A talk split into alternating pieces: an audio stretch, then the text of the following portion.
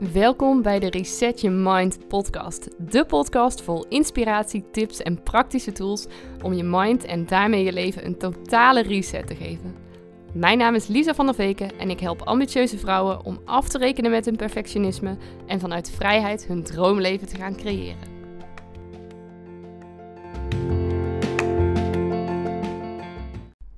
Yes, welkom bij weer een nieuwe aflevering van de Reset Your Mind podcast. En vandaag wil ik het met je hebben over jouw energiegevers en jouw energieslurpers. Want misschien heb je de aflevering van gisteren al beluisterd en zo niet zou ik zeggen, ga dat zeker nog even doen. Maar in die aflevering deel ik met je mijn les die ik afgelopen week geleerd heb. En die les die houdt eigenlijk in het kort in dat ik uh, veel en veel te hard aan het doorrazen was. Dat ik geen tijd meer nam om even de pauzeknop in te drukken en om die dingen te doen die mij ontspanning geven. Om die dingen te doen waarvan ik tot rust kom. Om die dingen te doen waarvan ik oplaad en weer nieuwe energie opdoe om, uh, om ook die dingen die op mijn to-do-lijstje staan uh, uit te gaan voeren. En ja, dit is een patroon wat ik uh, nou ja, van mezelf heel erg herken. Waarvan ik het nu gelukkig uh, vrij snel uh, kan doorbreken. Maar waar ik vroeger heel lang in vast heb gezeten. Want ja, ik, ik had altijd de overtuiging dat ik niet goed genoeg was. En dat het pas goed genoeg zou zijn op het moment dat het allemaal helemaal perfect zou zijn. Dat ik het perfect vond en dat het zeker weten ook perfect zou zijn voor andere mensen in mijn omgeving. En dus uh, legde ik de lat altijd torenhoog en raasde ik maar door. Ging ik constant maar door en ja, nam ik eigenlijk geen tijd om stil te staan bij uh, hoe ik me eigenlijk voelde. En nam ik geen tijd om, uh, ja, om die dingen in te plannen waar ik blij van werd, waar ik van ontspande. Ehm, nou ja, en natuurlijk was ik de afgelopen week ook zeker met dingen bezig die mij energie gaven. En uh, ook die dingen die op mijn to-do-lijst staan. Er zijn ook best wel een heel aantal dingen van bij waarvan ik ook zeker energie krijg. Alleen was ik daar zoveel tijd mee bezig, investeerde ik daar zoveel in dat um, zelfs die dingen die mij normaal gesproken energie geven, nu energie begonnen te kosten. Omdat ik er uh, nou bijna obsessief, zou ik willen zeggen, mee aan de slag was. Omdat ik er zo te veel energie in aan het steken was. En er, uh, nou ja, vooral dus ook uh, geen uh, tijd meer mezelf gunde, zou ik bijna willen zeggen, om, om even mijn, mijn rust te pakken en om even een vrije dag in te plannen. En misschien herken je dit wel uit jouw eigen leven. Dat je soms iets heel erg graag wil doen. Zoals in mijn geval bijvoorbeeld aan de slag zijn met mijn eigen bedrijf, de Resetter. Ehm, maar dat je daar dan ook zo in op kan gaan dat je jezelf bijna helemaal vergeet. En dat het stukje uh, zelfzorg en uh, inbouwen van rust en ontspanning, dat je daar een beetje aan voorbij gaat. En dat je er dan na enige tijd achter komt dat het je eigenlijk ondertussen allemaal te veel is geworden en dat je het even niet meer trekt. Waardoor je niet anders kan dan bijna verplicht rust gaan nemen. Dat je een soort van uh, milde of misschien zelfs wel wat ernstigere vorm van burn-out uh, aan het opbouwen bent geweest. Um, en dat, ja, dat, uh, dat is natuurlijk eigenlijk enorm zonde. En vandaag wil ik met je stilstaan bij hoe je die balans weer kan herstellen. Want wat ik net ook al zei, het is heel belangrijk om te kijken naar jouw energiegevers en jouw energieslurpers. Om voor jezelf eens in kaart te gaan brengen welke dingen jouw energie geven.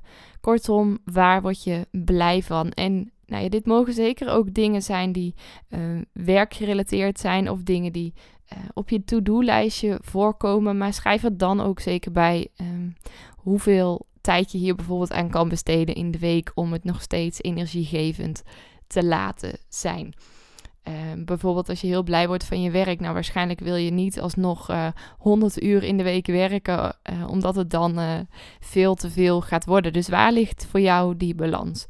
En kijk ook voor, nou, ja, wat voor dingen jou rust en ontspanning geven, waar jij relaxed van wordt. Op welke manier jij voor jezelf de pauzeknop in kan drukken. Of dat dat nou is, of dat je bijvoorbeeld in bad gaat, eventjes gaat slapen, dat je s ochtends wat langer uitslaapt, of misschien uh, smiddags even een powernap doet. Of misschien juist dat je s ochtends even wat vroeger opstaat en dat je Ehm, als je kinderen hebt, voordat de kinderen wakker zijn, dat je even dingen kan gaan doen waar je blij van wordt. Dat je even kan gaan sporten of lekker even een boek kan lezen. Of dat je ehm, een journal bij kan houden, zodat je wat meer uit je hoofd kan komen. Dat je wat meer overzicht kan gaan krijgen. Kortom, breng je energiegevers eens in kaart. En als je die dan voor jezelf hebt opgeschreven, kijk dan ook eens welke dingen jouw uh, energie wegnemen. Oftewel, wat zijn jouw energieslurpers? Um, zijn er dingen waarvan je um, ja, eigenlijk zegt van nou, dit is wel iets wat ik moet doen, maar eigenlijk lekt daar de energie uh, weg. denk bijvoorbeeld, nou, in mijn geval uh, aan het huishouden. Eh, ik vind stofzuigen bijvoorbeeld nog wel, uh, nog wel neutraal. Dat zit voor mij, uh, nou, dat is niet iets wat me heel veel energie geeft, maar het kost me ook niet zo heel veel energie. Maar dweilen vind ik bijvoorbeeld echt verschrikkelijk. Dus dat besteed ik heel graag uit aan mijn vriend. De badkamer schoonmaken vind ik echt een ramp. besteed ik ook uit aan mijn vriend. Zijn bij mij bijvoorbeeld echt enorme energieslurpers. Um, nou ja, en kijk eens ook voor jezelf van uh, waar, jij, uh, waar jouw energie weglegt. Of zijn er misschien bepaalde mensen dat als je daarmee afspreekt, dat, uh, ja, als je dan uit zo'n afspraak komt of uit een gesprek komt met die persoon, dat je denkt: wow, die heeft me echt helemaal leeggezogen. En als je die energiegevers en die energieslurpers dan voor jezelf in kaart hebt gebracht, kijk dan eens Hoeveel tijd heb ik in de afgelopen week besteed aan die energiegevers en hoeveel tijd heb ik besteed aan die energieslurpers? Of um, nou ja, als je het lastig vindt om dit in tijd uit te drukken, kijk eens hoeveel procent heb je ongeveer aan beide besteed en hoe is die balans daarin? En ik zeg zeker niet dat die balans daarin 50-50 moet zijn. Um, om ja, een gezonde balans te hebben of om in balans te zijn. Want dat wisselt echt per persoon. De ene die heeft ook wat meer, uh, ja, die kan wat meer hebben. Um, en daarin mag er best uh, eh, 70% dingen energie kosten en 30% ehm, energiegevers zijn. En dan is die persoon in balans, omdat die persoon dan uh, ja, goed kan functioneren. En voor een ander, ja, die kan gewoon wat minder hebben of die heeft behoefte aan uh, wat minder prikkels en wat meer tijd voor zichzelf. En die heeft bijvoorbeeld, uh, ja, die, die functioneert alleen maar goed als er uh, 40% energieslurpers zijn en 60% energiegevers.